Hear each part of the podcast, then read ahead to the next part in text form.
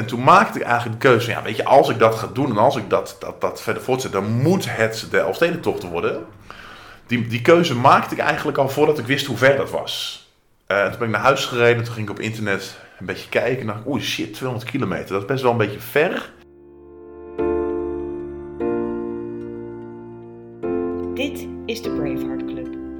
De podcast van happiness en schrijver en angstonderzoeker Rowanne van Voorst, waarin we in gesprek gaan met moedige mensen. Vrije denkers, mensen die tegen de stroom in durven te gaan en die daarvoor kleine en grote angsten overwonnen. Mensen die soms bang waren, maar besloten dat iets anders belangrijker was. Weet je het nog? Die lange man met het kale hoofd die de Elfsteden toch niet schaatste, maar zwom. Hij deed dat om geld voor kankeronderzoek in te zamelen. Een thema dat hem raakt, omdat hij zelf op zijn negentiende ook kanker kreeg. En het geluk had daar weer van te herstellen. Ik heb het over Maarten van der Weijden, vandaag de gast in de Braveheart Club. De eerste keer moest hij uitgeput het water uit worden gehaald. Het jaar erop lukte het hem. Hij zwom bijna 200 kilometer door Friese wateren. De actie werd massaal gevolgd door het Nederlandse volk, maar ook door internationale media. En zo haalde Maarten met zijn stichting in één jaar tijd ruim 11 miljoen euro op. hey, laten we gaan beginnen. Ja. Want ehm, fijn dat ik bij je op bezoek Ja, kan komen. gezellig. Hier in Waspik. Prachtige Waspik. Ja. Ehm, ik spreek voor deze podcast met moedige mensen en jij stond eigenlijk al heel erg lang op mijn lijst. Wat leuk om te horen. Maar ik merk ook dat jij het na het zwemmen niet minder druk hebt gekregen. Dus we moesten Nee. best eventjes vooruit plannen voordat we een afspraak Ja. konden maken. En nu is het dan zover. Ja. ja, want wat doe jij allemaal? Want wij hebben het er al heel even kort over gehad toen je Ja. het voor me maakte. Ja, nou dus wat ik doe en waar ik best wel druk mee ben, is dat mijn, mijn stichting, de Maat van Weijden Foundation, die voor kankeronderzoek geld inzamelt, dat dat ja, bijna een soort van mijn fulltime eh vrijwilligerswerk is. En dat ik dat kan doen omdat ik her en der bij organisaties eh, eh, lezingen geef. En dat dat mijn werk is. En die combinatie van op die manier mijn geld verdienen via de lezingen. En, en daardoor kunnen leven en daardoor fulltime vrijwilligerswerk kunnen doen. Eh, ja, dat is, dat is heel leuk, maar ook wel weer druk. Ja, ja. Kunnen, we, kunnen we teruggaan naar voor het op die manier druk werd? Namelijk, Misschien wel naar het moment dat jij voor het eerst bedacht, jij was natuurlijk al lange afstandszwemmer, maar jij dacht op een gegeven moment, ik ga wel een hele speciale tocht doen. Oh ja. Ja, wat ik altijd, als ik iets in mijn hoofd heb, dan heb ik altijd een soort van bijvraag van, goh, maar wat zou nou, als ik op die manier denk, in die richting denk, wat zou nou het aller, allergaafste zijn? Dus het, eigenlijk ontstond het vanuit eh, dat ik terugdacht aan wie ik was en waar ik vandaan kwam en iemand tegenkwam die, die heel ziek was geweest en niet het geluk had om te herstellen. Eh, die kwam jij tegen terwijl jij zelf al clean was, toch? Zeg maar. Ja, dus die, die, kwam, die kwam ik vier, vijf jaar geleden tegen. Eh, en dat, dat raakte mij heel erg. Eh, en toen dacht ik, maar hoe komt dat dan? En voor mij is het al zo lang geleden weer. En toen besefte ik, maar ja, weet je, dat, dat is natuurlijk wel... Mijn eigen ziekteproces is iets geweest eh, toen ik 19 was... wat mij wel heeft gemaakt tot wie ik nu ben of zo. Dus, eh, dus een soort van het analyseren van waar komt die pijn vandaan... Ehm, dacht ik, nou ja, dus, dus ik was niet zo heel erg bezig met het analyseren waar het vandaan kwam in eerste instantie, maar wel van ik wil daar iets mee doen. En toen dacht ik, nou, hoe kan ik nou eh, patiënten die niet het geluk hebben om te herstellen helpen? Nou, dat kan ik door geld in te zamelen. Maar hoe ga ik nou geld inzamelen? Dat moet ik dan doen doordat ik iets doe wat aandacht trekt. Eh, en dan doe je dat vooral als je iets doet waar je goed in bent. Dus laat ik nou eens gaan zwemmen. Ehm, en toen dacht ik, nee, kan ik weer heel snel zwemmen, zoals ik in 2018 Olympisch gouden medaille. Maar er zijn een heleboel zwemmers die zijn veel sneller dan ik, dus dat gaat niet lukken. Dan moet ik misschien wel heel ver zwemmen. En dan, weet je, als ik, zo, als ik zo een beetje analyseer van welke richting is het, dan is de vraag die dan redelijk snel daarop komt, is, goh, als je het nou hebt over heel ver zwemmen, wat is dan het aller, allergaafste? Wat, wat is nou het, het gaafste idee wat ik me kan voorstellen? Eh, en toen dacht ik, ja, weet je, in Nederland heb je maar één tocht der tochten. Dat is de Elfstedentocht. En toen maakte ik eigenlijk de keuze ja, weet je, als ik dat ga doen en als ik dat, dat, dat verder voortzet, dan moet het de Elfstedentocht worden. Die, die keuze maakte ik eigenlijk al voordat ik wist hoe ver dat was.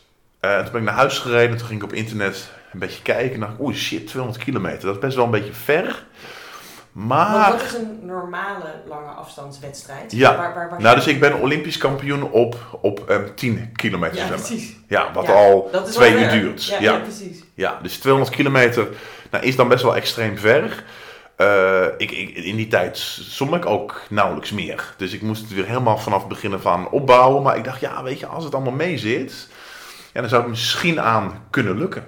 En zo ontstond het eigenlijk. Ja, ik vind het wel heel fascinerend tegelijk wat je zegt. Want, want eigenlijk hoor ik een soort grenzeloos denken. Zo van, ik, ik ga gewoon een doel bedenken Ja. wat me gaaf lijkt. Maar Ja. er zit niet een soort van uitgaan van wat je misschien al kan. Kan. Want als je Nee. uit was gegaan van die 10 kilometer, dan had je misschien gezegd, weet je, ik doe eens heel gek, ik maak er 50 van. Ja, Weet je wel? En dan was Nou, je ik- bij gaan verzinnen. Ja, en ik besefte me ook dat.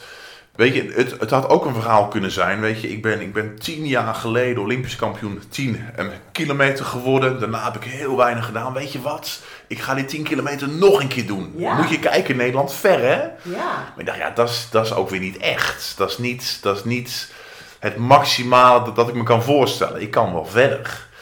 Eh, dus zodoende kwam die, die Elfstedentocht. En wat me dan... Weet je, het, het, ik denk dat ik eh grenzelozer kan denken. Omdat ik ook vooraf heel erg besef dat het wel eens niet kan lukken. Hmm. En dat het oké is. Oké, dat vind je dan van tevoren al wel oké? Ja. Want ik Ja. zeg dat wel eens. Ah, maar het is niet erg als ik het niet win. Ja. Maar dan vind ik het eigenlijk wel een beetje rottig als dat zo is. Nee, ik vind het ook rottig. Oh, oké. Eh, Je, bent niet, je bent niet superhuman in die zin. Dat je denkt, Nee, nee dus, dus ik baal daar wel van. ja, Eh, maar ik besef me wel heel goed dat, dat een stuk pech bij het leven hoort. Ja. En dat dus het niet halen van een doel niet betekent dat je iets verkeerd gedaan hebt. ja, Maar dat kan ook zomaar pech zijn, omdat die omstandigheden even niet samenvallen. ja. Ehm, en omdat ik besef dat pech bestaat. En dus het niet halen van doelen daarmee automatisch oké is. Ja, kan ik een soort van grote dromen.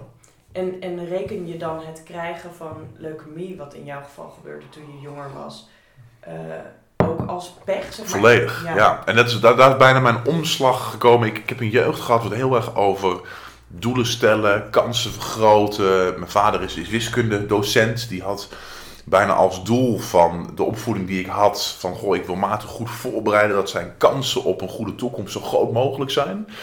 Eh, wat heel erg over de maakbaarheid van, van eh, dingen ging. Over hard werken, kansen vergroten, ergens voor gaan. Eh, en dat, dat was de opvoeding die ik had. Op, toen ik 17 was, toen zei mijn vader letterlijk Maarten. Weet je, dus er kwam een soort van disbalans tussen hoeveel tijd ik in het zwemmen stopte en hoeveel tijd ik aan mijn studie besteedde. Mijn vader begreep heel goed dat, nou ja, weet je, qua verwachtingswaarde je beter tijd in je studie kon, kunt steken dan, dan, dan in sport. En zei de Maarten, we begrijpen wel goed dat, weet je, het, zijn, het is jouw leven, het is jouw keuze, maar de keuzes die jij maakt, weet je, dat maakt je ook wel verantwoordelijk. Dus alles wat jou in je leven zal overkomen, daar ben jij zelf verantwoordelijk voor. Hmm. Ehm, En toen kwam die kanker. en toen werd ik twee jaar later opeens heel ziek. En dat, dat was een enorme spiegel waarbij ik dacht, die les, ja, die is echt flauwekul. En pech bestaat en dat maakt ons niet verantwoordelijk voor alles wat ons eh, overkomt. En dat maakt het best wel, wel luchtiger en prettiger of zo. Dus, dus daarmee ja, denk ik dat, ik dat ik nu veel compassievoller naar mezelf, maar ook naar anderen kan zijn. Als in, het maakt het luchtiger en prettiger, omdat je bijna kunt denken, het maakt niet zoveel uit. Ik heb niet overal de controle over of zo. Is dat wat je bedoelt? Nou, en dus als iets lukt, eh, als ik Olympisch goud win, Ja. dan is dat niet alleen maar omdat ik dat geweldig gedaan heb. Nee. Dan heb ik ook geluk gehad. Ja. Als iets niet lukt, dan is dat niet omdat ik iets verkeerd heb gedaan. Dat is ook omdat het even niet samenviel. Ja. Dus het maakt het verschil tussen, tussen winnen en verliezen, succes en geen succes, maakt het kleiner. Ja. Ehm, en dat is in veel gevallen maakt dat het leven ook draaglijker. Ja. En kon je die boodschap, want soms heb je dat soort prachtige inzichten. Maar dan merk je toch dat ze weer een beetje gaan afkalven zo in de loop van de jaren. Maar Ja, nee, die- deze bij jou? Ja, ik ging hem steeds meer begrijpen. Dus, Oh. dus ik denk ook, eh, mijn Olympisch. En hij komt. Hij, dus eerst was het heel erg op het ziektestuk. En, Ja. en ik weet ook niet of. Weet je, je vertelt natuurlijk het verhaal achteraf van hé, hey, maar ik lag daar en toen kreeg ik het inzicht en toen begreep ik het. Maar eigenlijk is dat veel meer dat je. Ja, hoe, hoe ik dat veel meer ervaren is dat je, dat je dingen daarna bedenkt. En dat je denkt, maar waarom vind ik dit? En dan ga je terugdenken en dan klopt het weer. Dus het be- bewustzijn komt vaak daarna. Welke ik ook heel lang oneerlijk vond of zo. Dat, dat, dat, dus, dus eerst had ik hem heel erg op het ziekenhuis zijnde. En, en ik heb geluk gehad, maar ik heb heel veel mensen in het ziekenhuis waarvan ik zag dat ze het geluk niet hadden en stierven. En dat het niet eerlijk was. Eh, ik, ik, ik, ik strijd eh, ook heel erg tegen het, het als mensen mij toedichten dat de kanker overwonnen zou hebben. Mm, ik, ja. heb niet, ik, heb, ik heb, ben gaan liggen, ik heb geluk gehad. Ja. Maar je ziet dat op een wat hoger niveau ook. Dus ook bij het winnen van mijn- mijn Olympisch gouden plak. En als mensen het hebben over de maakbare wereld, dan is Olympisch goud winnen een van de meest duidelijke voorbeelden. Want degene die toch wint, die, heeft toch, die was het allersterkste, allerbeste. En die won dus goud. Ja. Terwijl Australische boekmakers hadden mij voor mijn race op 1 tegen 40. Ik was helemaal niet een van de kanshebbers. Alleen, ja, weet je, de, de eigenschap van kleine kansen is dat ze ook soms wel uitkomen. Ja. Eh, dus dus ik, ik, ik won. Ook omdat die race helemaal zo viel met alle puzzelstukjes dat het mij heel goed uitkwam. Ja. Dat, dat concurrenten, eh, er was een concurrent die daar, daarvoor eh, ziek was, die was minder goed. Er waren concurrenten die strategisch verkeerde keuzes maken, maakten. En opeens won ik die, die plak. Alleen, ik besefte me ook heel goed, hey, die concurrent die ziek is geworden, of die concurrenten die een verkeerde strategische keuze hebben gemaakt. Weet je, ik, ik voel me niet beter dan dat zij zijn. Nee, maar die hebben eigenlijk pech op dat moment. Zij hadden pech. Ja. En ik had geluk. Ja. En waar, waar ik een soort, van, eh, een soort van de credits kreeg van Maarten, wat geweldig, jij bent de allerbeste, jij bent Olympisch kampioen, jij bent de allersterkste, voelde ook dat niet helemaal eerlijk of zo. Ja. En zag ik zoveel mensen, ook, ook Nederlanders, die ik, waarmee ik trainde, die dan een hele jeugd gegeven hadden, er keihard voor gewerkt hadden. En die op die beslissende dag even dat geluk niet hadden. Ja. En vierde werden of zevende werden. Eh, dus het, het, het toedichten en het toe-eigenen van dat succes, ja, dat voelt ook niet helemaal lekker of zo. En dat vind ik wel knap, want ik had het er toevallig gisteren met iemand over dat we vaak geneigd zijn, dat blijkt ook uit allerlei studies, dat als je bijvoorbeeld veel geld hebt verdiend of je bent doorgebroken als Dat je zegt dat jij dat gedaan hebt. Ik heb er heel hard voor gewerkt. Ja. Maar dat zou bijna betekenen dat mensen die, waarbij het niet lukt, dat niet per se hebben gedaan. Dat is vaak ook Exact. het geval. Ja. Nee, en het is natuurlijk heel. Ik, ik heb het idee, maar daar, daar weet jij veel meer van. Dus daar, daar moet je me even zeggen wat jij ervan vindt. Maar weet je, mensen hebben natuurlijk, natuurlijk de neiging om te geloven wat voor hen fijn is. Ja. Dus voor mensen die succes eh, hebben ervaren, ervaren, die denken: Oh, maar dat heb ik allemaal zelf gedaan, wat fantastisch. En dat heb ik, en wat ben ik goed. En ik ben blijkbaar beter dan dat jij bent. Eh, dus dat is een fijne, fijne gedachte. Dus daar neigen, eh, daar neigen ze naar. En dan, dan kom ik toch in mijn eigen gevoel wel heel erg in de, in de knoop.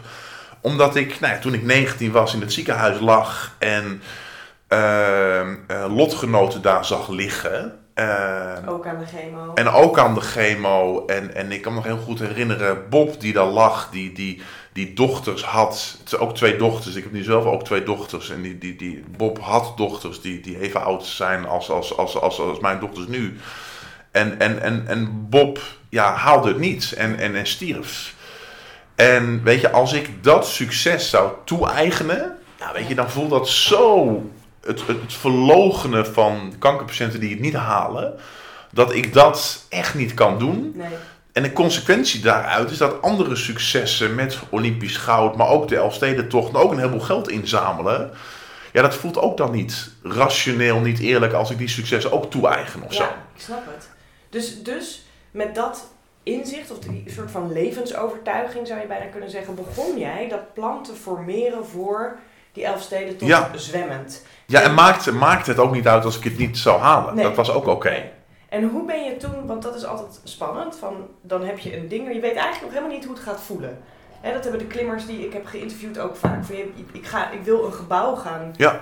beklimmen, maar dat kan ik niet oefenen, want het is verboden. Dus ik moet dat een beetje in mijn hoofd gaan oefenen Ja. of visualiseren of denken hoe ik ervoor kan trainen. Hoe heb jij dat aangepakt? Ja. Nou, ik had, ik had en de, dus, dus toen ik Olympisch kampioen werd, train ik elke dag 7 uur. Ik had de overtuiging 7 uur per dag zwemmen als je uiteindelijk, ik had berekend, het zal ongeveer drie à vier dagen zwemmen zijn. elke dag dan 7 uur zwemmen heeft ook niet zo heel veel zin. Dus je lichaam moet wennen aan een heel lang stuk. Moet niet gewend raken aan, aan elke dag 7 uur zwemmen. Je moet meer dan wilde jij. Nou, maar je moet, je moet aan de ene kant moet je dat stretchen. Je moet af en toe heel veel meer. Maar je hoeft niet elke dag heel veel te trainen. Dus, Nee. dus weet je, als je alle trainingsuren van mij bij elkaar optelt voor de Elfsteden Zwemtocht, dan valt dat eigenlijk wel mee. Ik trainde voor de Olympische Spelen heel veel meer. Dus weet je, het paste ook in dat schema. En ik moest het af en toe moest ik het stretchen hoe ver ik dan kon zwemmen.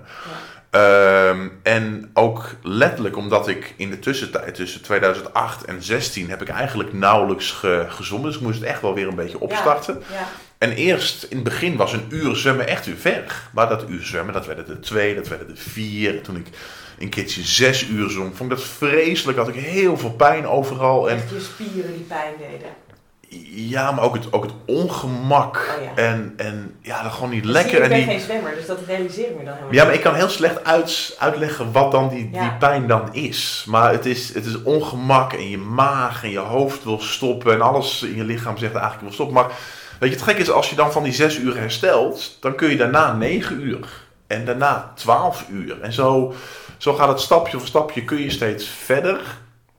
En zo heb ik dat eigenlijk, nou, een paar jaar lang heb ik die, die grens gestretched. En, en zat je, ehm, wanneer was het moment dat je, of heb je altijd gedacht, dit gaat kunnen lukken? Of was het in het begin veel opener? Zo van, nou, ik ga eens zien of ik in de buurt kan komen. Ja, ja, het was veel opener. Eh, maar de motivatie van ik wil zes uur zwemmen kwam al wel voort uit van nou, als dat stapje, stapje, stapje, Ja. dan is dat dat groot ding van de Elfstedentocht. En wat zou dat gaaf zijn? Dat zat er altijd wel in. Ja. Niet wetende of ik daar zou komen. Ja, Ik heb ook de, de, de aankondiging van de Elfstedentocht een jaar voor de, de eerste poging gedaan. Toen ik eh, nou, ook, ook echt, wel, echt wel 24 uur kon zwemmen. Dus dat ik dacht, nou weet je, volgens mij dat stretchen, stretchen, stretchen, dat op dit niveau lukt dat. Ik moet nog een paar stappen maken, maar ik, ik heb wel redelijk de overtuiging dat dat kan. ja, Eh waarmee het, het delen eh, aan mensen kan dan wat breder. ja. Ehm, maar het, het, eigenlijk het continue proces was er een enorme onzekerheid. Ik weet helemaal niet of het lukt, maar ik ga het wel zien. ja. En we gaan wel kijken hoe, hoe, Ja. hoe ver we daarin komen. Want, want op het moment dat jij dat had bedacht, ik weet niet, was jij toen al, er hangen hier in huis prachtige trouwfoto's van jou en je vrouw, maar was jij, was jij toen al samen met haar? Ja, toen waren we wachten, ja. ja. Dus, dus ik heb... We Dus je hebt het haar verteld, toen je thuis kwam met dat idee. ja, en we zijn al wel heel lang getrouwd. Hoor. Dus we zijn, ehm, we zijn al samen voor de eh, Olympische Spelen ook Ja. al. Eh, en, en vlak voor de Olympische Spelen, toen ging het even verkeerd. Omdat ik, nou, ik deed de meest idiote dingen met in een tentje Ja. en zeven uur per dag zwemmen. Alles wat ik deed was voor die wedstrijd. Toen dacht ze, nou, dit gaat te ver. En toen ging het even niet en toen won ik Olympisch goud en toen kwam zij terug, eh, gelukkig. Ehm, eh, maar we hebben dat hele proces met het bedenken van de Elfstedentocht en het bespreken van de pijn die ik voelde en, en of ik daar iets meer mee doen, hebben we echt wel samen gedaan. En zij Ja. begreep zij het, hoe belangrijk dat voor jou was en waarom je dat wilde? Of dacht ze af en toe, nou, die is, ik weet niet, hij is een beetje gek geworden. Nou, ik denk dat ze het eigenlijk wel heel goed begrepen. En het is wel een soort van eh, anders natuurlijk. Hè? Het, is niet, het is niet normaal.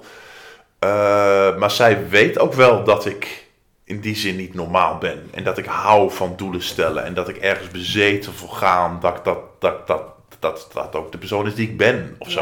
Ja, ja. Ehm, en ja, weet je, de, de, voor de Olympische Spelen was dat dat. Ehm, na de Olympische Spelen heb ik bij, bij Unilever een, een standaard kantoorbaan gehad. Wat ik ook heel uitdagend vond. Waar Ja. ik ook periodes soort van bezeten mezelf in kon verliezen. Weet je, dat, dat, dat, dat, dat is ook wie ik ben. ja, ja, En, zij, en zij begrijpt dat ook. ja. En toen kwam die wedstrijd, of de, de, de tocht kwam, Ja. ik moet niet zeggen wedstrijd. En dat was toen nog net wat zwaarder dan je... Ja, ja, en het was ook het stretchen. Weet je, ik, ik wist ook niet wat, wat het was. Het verste wat ik tot dan toe gedaan had, was dat ik 120, eh, eh, 120 kilometer gezwommen had. Ja, Ik wilde dat in één keer stretchen naar 200.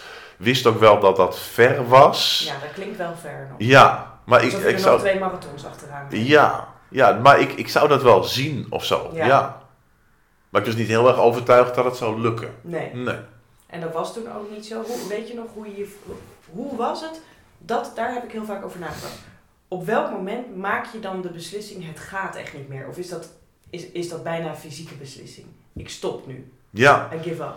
ja. Nou, er, er was, er was een moment vorig jaar eh, waarbij ik wist, ik moet drie dagen zwemmen. En na 22 uur zag ik het niet meer zitten. En na 22 uur wilde ik eigenlijk stoppen. Ja? En het gekke was, was dat, dat eh, weet je, ik voelde me weer ongemakkelijk en ik had pijn. En je hebt, weet je, 22 uur zwemmen is niet fijn. Maar er kwam iets bij. want Ik had vaker 22 uur gezongen, zelfs meerdere keren. Alleen het probleem wat anders was, waar ik helemaal niet over na had gedacht, wat eigenlijk wel, wel, wel, wel mis- misschien wel stom was, was dat eh, ik kon die pijn en het ongemak kon ik aan. Ja. Maar ik moest mezelf de vraag stellen hoe lang het nog was. Mhm. En dat ging ik dan berekenen. Ik dacht, ja, shit, ik moet nog 40 uur zwemmen. En het ongemak kon ik aan, maar het besef dat dat nog 40 uur moest duren, Ja. kon ik niet aan. Ja. Dus toen stopte ik. Toen moest Daisy, mijn vrouw, erbij komen. Die moest mij overtuigen. Die zegt, maar ga alsjeblieft weer door. Ook met het, eh, met het besef. Ik dacht, eh, ik dacht dat het een soort van zwart-wit ding was. Of ik haal het en dan is er aandacht en geld. Top. Ja. Of ik haal het niet en dan heb ik het niet gehaald. En dan is er geen geld, geen aandacht, is het klaar. Eh, zo had ik hem in mijn hoofd dat het zou, Ja. zou zijn. Ja. We begonnen ook vorig jaar helemaal niet met veel aandacht. Dus het was helemaal geen rare gedachte. Eh, en het, de reden dat ik doorging was omdat dat mijn vrouw me liet inzien van hé, maar het is geen zwart-wit ding. Er is best wel veel aandacht. En elke minuut dat jij in het water ligt, en dat zei ze letterlijk, elke minuut dat jij in het water ligt, komt er 1000 euro binnen. Ja. Dus weet je, je mag stoppen wanneer jij wilt, maar zwem alsjeblieft nog door zolang het, zolang het kan. Ja. Want hoe langer jij zwemt, hoe beter. En toen werd het geen zwart-wit ding. Toen werd het een soort van, van schuivend paneel. Waarbij, nou voor mij hebben jullie ook wel psychologische testjes. Dat als je, als je op een stopknop kunt drukken, dat je dan de pijn langer kunt verdragen. Ik had die stopknop. Ik, ik kon eigenlijk stoppen wanneer ik wilde. En daarmee kon ik uiteindelijk nog 33 uur doorzwemmen. Ja. Ehm, en het moment van het stoppen, dat werd eigenlijk bepaald. En ik denk ook dat ik. eh, na 22 uur was ik heel erg bezig met: wil ik wel door? Mhm.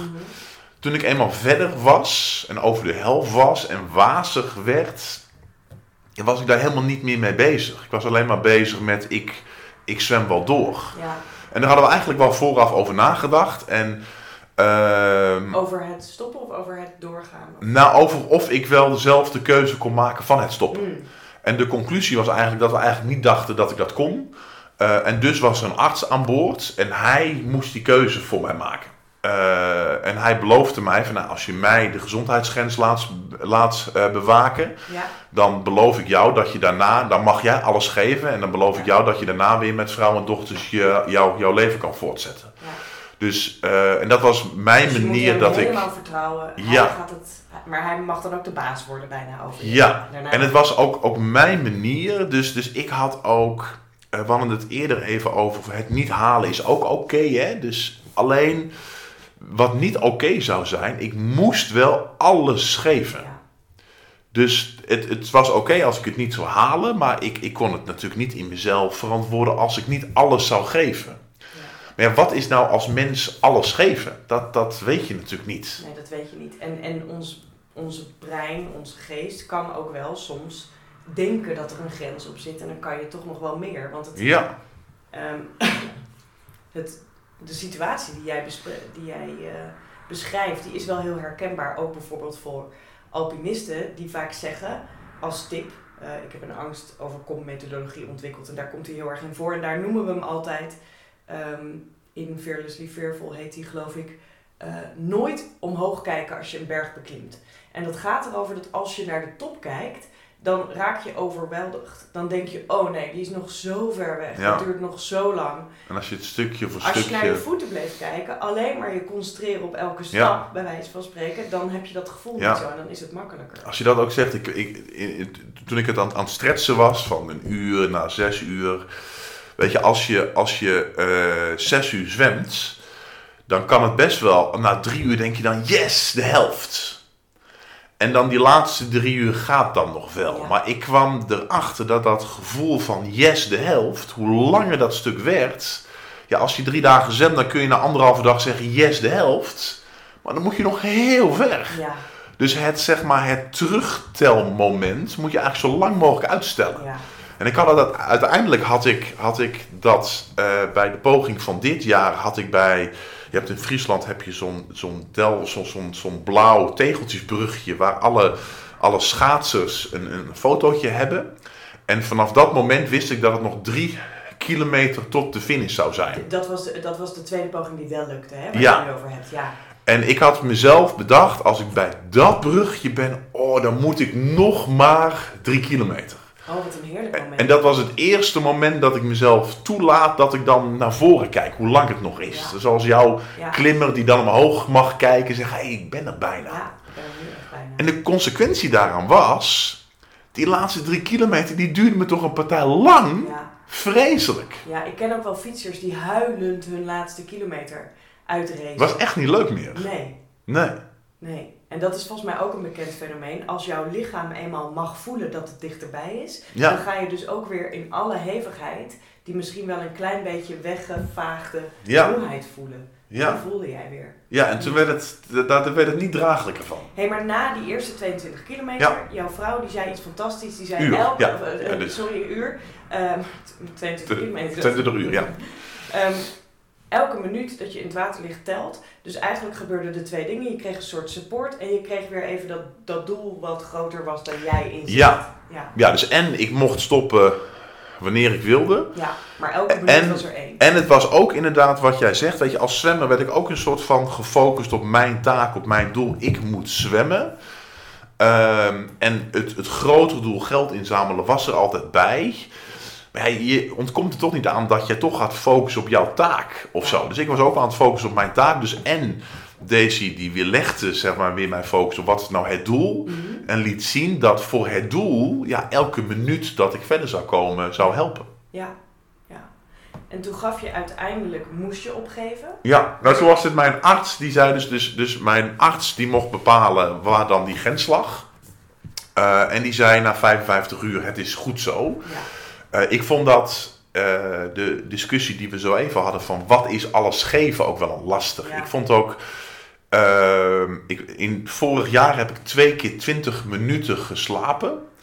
Eh, dit jaar sliep ik de eerste nacht Tijdens één uur tijdens het zwemmen en de tweede en derde nacht drie uur. Dan had ik soms soort van vlot en dan kroop ik dan op. In het begin vond ik slapen vals spelen. Dat, Hmm. dat voelde niet als alles geven.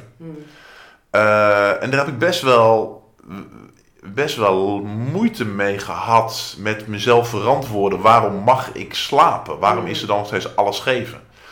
Eh, nou, toen uiteindelijk bleek dat, ja, weet je, dat het echt wel noodzakelijk was. En ik dat dus vorig jaar eh, twee keer 20 minuten gedaan had. Mhm. Eh, maar dat niet genoeg bleek. En mijn arts na 55 uur moest zeggen: Ja, het is, ik, ik kan jouw gezondheid niet meer waarborgen. Dus jij moet nu stoppen. Ja. En toen voelde je, op dat moment voelde je een mengeling van dingen? Of voelde je echt alleen maar een soort, ah, ik weet niet of ik dat wel wil? Of voelde je stiekem ook wel een beetje opluchting? Ik was, ik was enorm blij. Ik, Ja. ik vond het gewoon prima. Ja.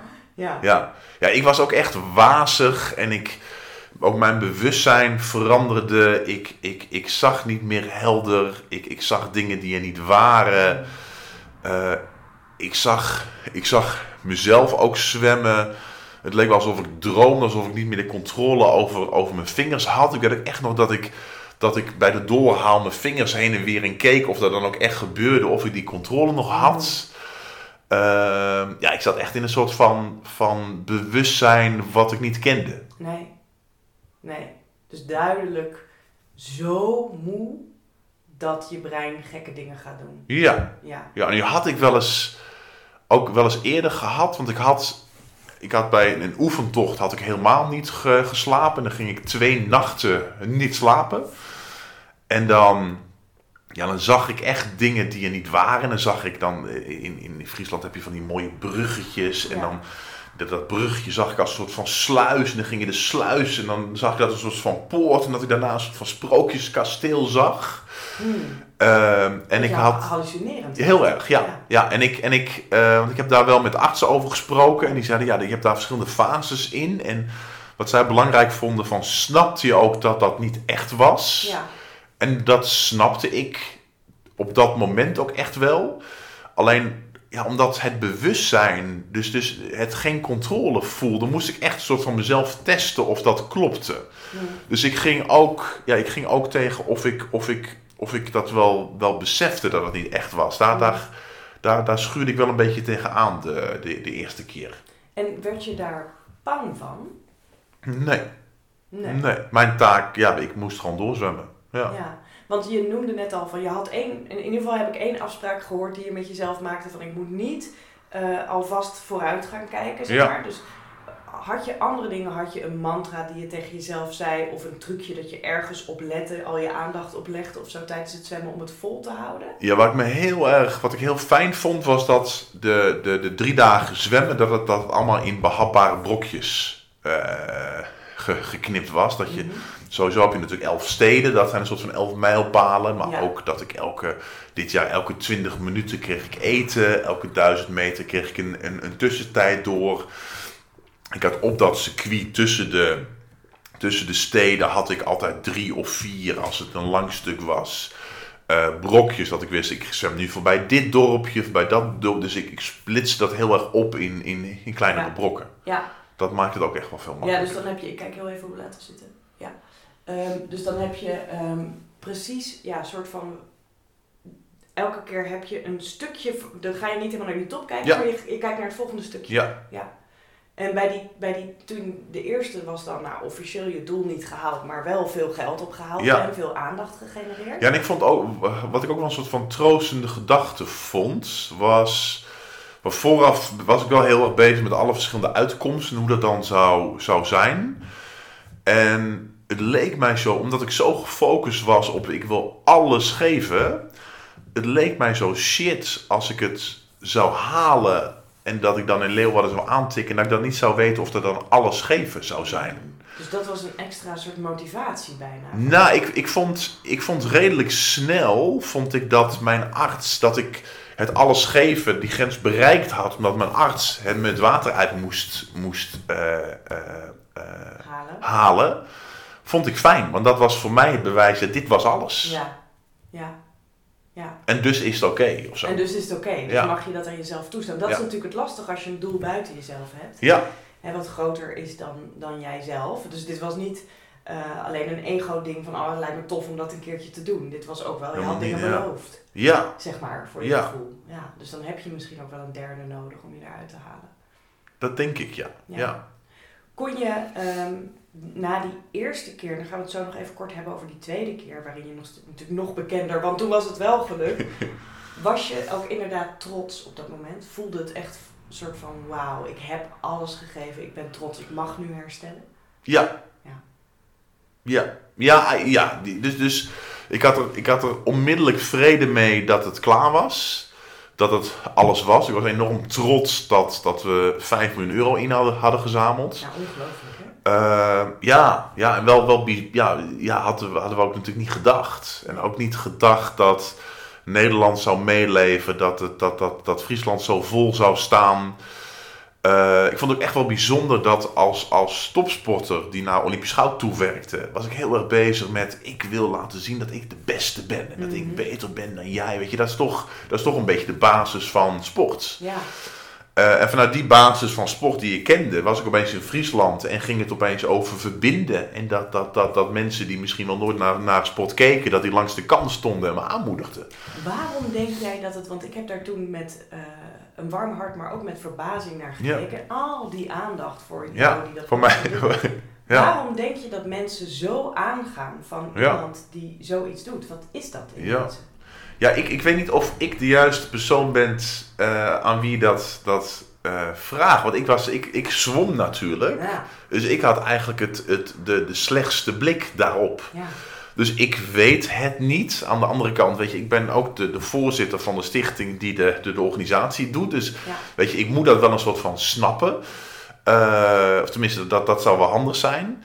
Ja, weet je, ik denk dat, dat er heel veel zit in, uh, in, in, in uh, collectief verlangen naar saamhorigheid. Het gemis dat dat bij de EK of WK voetbal toen niet gebeurd was. Het gemis dat ook in Friesland dat de Elfstedentocht al zo lang geleden is. Een is ook misschien? Nou, heel erg. Weet je, dus, en, en dat wist ik helemaal niet. Hè. Toen ik dacht, goh, er is één, ja, we noemen in Nederland iets de, de tocht der tochten, dus dat zal wel gaaf zijn. Ja. Ik heb de, ik heb de Elfsteden de schaatstocht in, in 97 wel meegemaakt, maar weet je, dat was leuk. Maar in Friesland is dat iets waar, waar, waar kinderen mee opgroeien, waarbij ze verhalen van opa en oma horen hoe dat was en hoe gaaf dat was. En waar wij in Brabant elk jaar um, carnaval hebben, wat ook een soort van collectief ontlading en saamhorigheid. Ja. ja, wachten ze in Friesland ook wel al, al, al ruim twintig jaar op dat feestje, op die ontlading die ze dan mogen hebben. Ja. Uh, dus, dus ik denk, nou ja, weet je, aan, aan de heftigheid van het samenkomen moet wel een soort van collectief verlangen, collectief behoefte zijn. Ja. Uh, dat, dat, dat zit op saamhorigheid, dat zit op, op verbinden. Ehm, ik dacht ook het eerste jaar dat het, dat het, op, het op het lijden zat. Mm -hmm. Op het lijden als in, ze zien jou het zwaar hebben in het water. Met je opgezwollen gezicht. Dat, en ze zien iemand die echt iets heel graag wil, en daar alles voor over heeft. ook in een tijd waar het ook wel heel vaak over het schreeuwen vanuit de zijlijn is. Ja. Uh, dus, dus ik dacht dat het het lijden was. En dat, daar komen we toch misschien wel bij jaar 2 een beetje van terug. Want er was niet heel veel lijden en toch sloeg het weer aan. Ja. Uh, dus dus zo, ja, zo, zo filosoferen wij ook wat het is. En weten het ook niet precies. Dus het overkwam ons ook natuurlijk. Ja. Dat is een beetje, een beetje definitie van een hype. Dat je ook niet precies weet hoe dat ontstaat. Nee. Nog heel eventjes, want we moeten zo stoppen. Want jij bent hartstikke druk met je activisme. En ik had je beloofd dat het niet al te lang zou duren. Maar... Um, toch heb jij na die eerste keer, waar je eigenlijk al heel veel geld had opgehaald, waar je het super goed hebt gedaan, waar je naar 22 wilde stoppen, toch nog veel langer doorging. En toen dacht je toch, ik ga het nog een keer doen. Ja. Ik ga het nog een keer doen. Ja. Really? Nou. nee, maar ik dacht, het begon met de, de, de sporter in mij, die ook dacht, ja, weet je, dit was alles en het was hartstikke mooi en ik ben heel trots, maar maat even de sporter, ik heb, ik heb het niet gehaald. Ja kan beter. Ja, nou ja, en, en ik, weet je, het, het uh, ja, weet je, ik zag ook wel onmiddellijk, weet je, er zijn wel manieren hoe ik het wel kan halen. Ja, precies, ja, precies. Dat weet je, en het, en het, het, uh, het trickier was ook, weet je, het, het, ik bepaalde natuurlijk de spelregels ook zelf. Uh, dus natuurlijk waren er manieren geweest dat ik het wel gehaald zou hebben. Als ik ook vorig jaar, als ik in een hotelkamer geslapen had en vier keer een dag had gezwommen, had ik het natuurlijk makkelijk gehaald. Ja. Uh, dus eigenlijk was er geen twijfel over dat ik het kon halen. Ik moest het alleen, de, de manier waarop ik dat zou doen, moest ik een beetje tweaken. Ja. Uh, en aan de hand dachten we natuurlijk ook, ja, er is natuurlijk een enorm veel aandacht geweest. En als we die aandacht natuurlijk een soort van kunnen kopiëren of kunnen inzetten voor nog een poging. Ja, weet je, als als, als ik dan de, de, de, de kankerpatiënt vanuit de pijn waar het ooit ontstaan is, ja, nog een keer kan helpen, ja, weet je, dan, dan zou dat natuurlijk hartstikke, hartstikke leuk zijn. Ja. Het, was, het, het was wel, uh, ik heb dit tegen meerdere mensen aangehouden. En er zijn best ook wel heel veel mensen die het advies gaven. Maar doe het nou niet. Niet nog een keer doen. Nee, nee want het was, het was zo mooi. En ook het niet halen, Maarten. Ik weet dat jij als sporter misschien. Maar weet je, dit was het allermooiste scenario. Dus het was bijna wel dramatisch mooi. Ja, doe, doe het, laat het nou hierbij. Dan is het mooi genoeg. Dan doen we een strik omheen. Wees nou blij dat we 500 euro in, in hebben gezameld. Het is goed genoeg zo. Ja, maar nee. Nou, dus ik ging ook, dus, dus ik, ik ging dat vragen aan andere mensen. En heel veel mensen die vonden dat wel. En ik ging ook een paar mensen in Friesland vragen. En die mensen in Friesland zeiden, ja, maar dit, die, die Hollanders zeggen dat het een hype was. Maar dat was helemaal geen hype, dat was de Elfstedentocht. En als jij het nog een keer gaat doen, ik denk dat dat wordt, dat wordt alleen maar gaver. Hm. Uh, dus toen waren er twee verschillende mogelijkheden wat het zou kunnen worden. Uh, toen heb ik er best wel lang over nagedacht wat ik dan moest doen. Ja. En wat mij een soort van troosten was. Uh, stel, ik doe het nog een keer. Wat is dan het allerslechtste scenario? Ja. Toen dacht ik, nou, dat ik het weer niet haal. En dan word je toch twee keer niet halen, word je gezien als een, als een loser. Weet je, de eerste keer zal Nederland toch compassievol zijn, maar de tweede keer zeker niet. Nou jongen, weer geprobeerd. Weer, maar niet, op. precies. En belangrijker, het geld wat we voor kankeronderzoek inzamelen, dat, dat zal een fractie zijn van, van vorige keer. Ja. Want, het, want het is oud nieuws eigenlijk. Stel, stel, stel in het allerslechtste scenario, het slaat niet aan. Vorig jaar wat, wat was het mooi, nu werkt het niet, het valt helemaal dood. Stel we halen 1% op van vorig jaar. Dus stel het lukt niet, ik word gezien als loser, we halen maar 50.000 euro op. Ja, maar 50 is nog steeds heel veel geld. Ja. En als dat nou het allerslechtste scenario is, Ja. waarom niet? ja, dus dan zou jij hoogstens een beetje worden gezien als een aandachtstrekker, maar dan was er nog steeds veel geld opgehaald. En was het oké? Ja. Maar goed, het lukte. Ja. Ja. En je, de manier waarop je erover over praat, voelde het ook makkelijker hè, deze tweede keer. Ging het soort van... Het Nee, ja, het, ja en, ik, en, ik heb, en het ging ook makkelijker. Ja, Ja, en waar, ik, waar het vorig jaar echt een lijdensweg was, heb ik drie dagen nu echt wel genoten. Ja. en zat hem dat dan in die tweaks? Of zat het toch in dat je ergens mentaal ook gegroeid was of zo? Dat je wist wat het was? Of... Ja. Nou, het zat. eh, ik- als, als jij zegt dat, dat wist dat het mentaal. Dan, dat, dat neigt dan naar dat je soort van door mentale wilskracht verder komt of zo. Dat, dat, dat, dat, dat, dat, dat voelt dan een soort van weer Oh niet oh eerlijk ja, ja, voor al die mensen die dan stoppen. Ja, Eh, nee, ik, ik denk, ik was, ik was door de ervaring van vorig jaar, eh, had ik die stretch gehad. Hè? Dus ik had Ja, van dat 120 bedoel ik kilometer, 100, meer, ja. 160 kilometer vers gehad. En we hadden een paar hele belangrijke dingen geleerd. En wat we geleerd hadden, was eh, die nachten zijn zwaar. Dus die Ja. 22 uur, die, dat moment wat heel zwaar was, dat was drie uur s'nachts. ja. Ja, ons probleemoplossend vermogen s'nachts is, is natuurlijk heel veel slechter. Nou, daar kun je niet zo heel veel aan doen, behalve dat je dan in juni gaat zwemmen, omdat dan de nachten die zijn korter.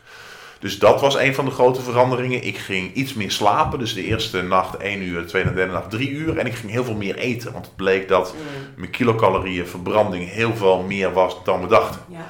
Eh, en ja, die dingen hebben we aangepast en toen ging het eigenlijk wel. Maar dat vind ik ook wel ergens moedig, dat je ook heel terecht zegt, ik was het alleen maar die die spelregels had bedacht. Dus ik mag ze ook wel ietsje Veranderen. veranderen. Ja, ja dus ja, Want je hebt al zo'n hoog doel, dus dan is het ook wel fijn als je daar niet helemaal rigide in hoeft te staan. Nee. Ja, maar dat, dat, dat, dat sta ik voor mezelf dan wel meer of zo. Dus eh, wat, wat mij wel verbaasde, dus ik denk dat bijvoorbeeld die, die zeven uur die ik in, in totaliteit in die drie dagen sliep, eh, dat scheelde echt heel veel. Ja. Ik had, ik had soms, ik had de tweede nacht van zaterdag op, nee, van, van zon, nee, zaterdag op zondag. Mhm. Ik had drie uur geslapen. En normaal, weet je, als je in je dagelijks leven drie uur slaapt, dat, dat, dat werkt helemaal niet. En dan Nee. voel je je nog steeds heel erg brak. Ik voelde me na drie uur slapen in een tentje. In mijn zwempak. In zo'n tentje heeft het voordeel dat je veel zuurstof bij je houdt, hè? Oh, nee, nee dus, dus in het tentje. Dus, dus we hadden een soort van vlot gemaakt. Oh, ja, ja, en vanwege de wind tegen daar hadden we een soort van luwte maakt- gemaakt. Ik dacht even dat je zo'n Nee, tentje nee, nee, nee, nee, meegenomen nee, nee, nee, nee, nee, nee, nee, nee, nee. Eh, en in dat, in dat, ik voelde me na drie uur zwemmen, na drie uur slapen echt herboren. Ja, Dus ook na de eerste nacht, eh, eh, zondagochtend, dacht ik, oh, ja, ja, maar als het zo is, haal ik het wel. Zou dat een, als ik nou, want ik heb twee laatste vragen. Eh, de eerste is, stel dat hier mensen naar zitten te luisteren en die zeggen, ja, ik heb soms ook wel dat ik hè, een groter doel heb of echt wel iets zou willen, maar ik weet gewoon nog niet hoe dat gaat voelen. Ik heb geen idee hoe het gaat zijn en ik vind het super eng. Ja, Wat is het inzicht wat jij misschien wel hebt opgedaan, wat jij ze zou willen meegeven? ja. Nou, als het niet lukt, is het ook oké. Eh, dat ik denk als iets super tof is, dan is dat volgens mij vaak uit wie je als persoon bent. Mhm. En dat dat doel ook bij jou past. Daarom vind je het zo gaaf. Daarom vind je het zo gaaf, denk ik. Ehm, dat, er, dat er continu barrières komen. En ook maar die barrières en tegenslagen doorkomen met het besef van eh, het is oké als het niet lukt, dat maken die barrières ook minder zwaar. En waarom is het dan oké, even heel vervelend gevraagd, als het niet lukt? Omdat je dan toch iets hebt geprobeerd? Of omdat je grotere doel misschien iets dichterbij is gekomen? Nou, omdat je, omdat, omdat, uh, je niet gefaald hebt. Hm, maar je hebt gefaald, zeg maar. Ten nee. opzichte van je doel. Ja, maar dat komt omdat dat je pech had, omdat die puzzelstukjes ah. net even niet samenvielen. Dus jij zegt je faalt niet zolang je een echte committerende poging doet. Nee, je faalt, dus dus het, het halen van je poging heeft en te maken met de inzet die jij doet. En het heeft te maken met of die puzzelstukjes samenvallen. Ja. Uh, als jij de inzet doet die je doet, uh, waar je volledig voor gaat, ook omdat je dat wilt, omdat het een doel is die, die bij jou past. Als jij je daartoe inzet, dan gaat het uiteindelijk een soort van buiten jouw macht of jou bij dat doel komt. Ja.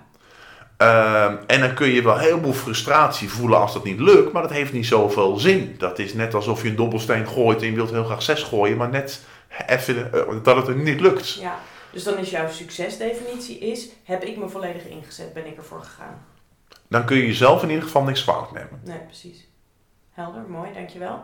En als laatste vraag, en die stel ik altijd aan al mijn gasten. Deze podcast gaat over moed. En ik nodig mensen uit, of ik mag bij mensen op bezoek komen die ik heel moedig vind. Wat is moed volgens jou? Hoe zou jij dat omschrijven? Wat vind jij nou moedig? Uh, ik vind het moedig dat als. Uh, en ik, ik weet helemaal niet of we dat, daar heel veel over gesproken hebben afgelopen half uur. Maar ik vind het moedig als je je eigen leven leeft. Ja. Uh, en ik denk dat uh, best wel verleidelijk is. Weet je, niemand weet hoe lang we hier zijn, hoe lang ons leven duurt. Het is best wel verleidelijk om je heel veel aan te trekken van wat andere mensen van jou willen en van jou vinden. Uh, uh, en, en de gehaastheid van het leven maakt het best wel gevaarlijk om na te denken over wie jij nou bent en wat jij nu wilt. Uh, en als je daarvoor gaat, dan kan het best ook wel heel erg schuren. Want dat is misschien wel heel anders dan wat andere mensen van jou verwachten. Dus ik vind het moedig als mensen hun leven leiden. Ja. Uh, en, en, en daarin wellicht anders zijn dan wat mensen van hun verwachten. Ja, ik denk dat we het daar wel zijdelings heel erg over hebben gehad. Want ik denk nu terug aan de momenten waarop mensen je dingen afraden. Bijvoorbeeld om het nog een ja. tweede keer te doen. Ja. Uh, en ik denk toch wel dat jouw stichtingen bijvoorbeeld mensen daaromheen er heel blij mee waren dat jij toch hebt doorgegeven. Ja. ja. Dankjewel. Alsjeblieft. Dit was hem weer, de Braveheart Club van schrijver en onderzoeker Roanne van Voorst in samenwerking met Happiness. Met deze keer te gast bij Maarten van der Weijden. Wil je meer lezen over Maarten en zijn stichting? Kijk dan even op happiness met een z.nl slash braveheart. Daar vind je de podcastnotities met linkjes daarbij. En wil je meer Bravehearts horen over de thema's moed, hoop, angst en de levenslessen en inzichten die erbij horen? Abonneer je dan vooral op de podcast in de iTunes van je telefoon of in Spotify. En we zijn heel blij als je ons een 5-sterren review wilt geven in je app of wat mooie woorden wilt schenken. Want hoe vaker dat gebeurt, hoe makkelijker deze gesprekken te vinden zijn voor andere luisteraars. Dank je wel vast voor je steun en voor je aandacht bij het luisteren. Tot de volgende Braveheart Club.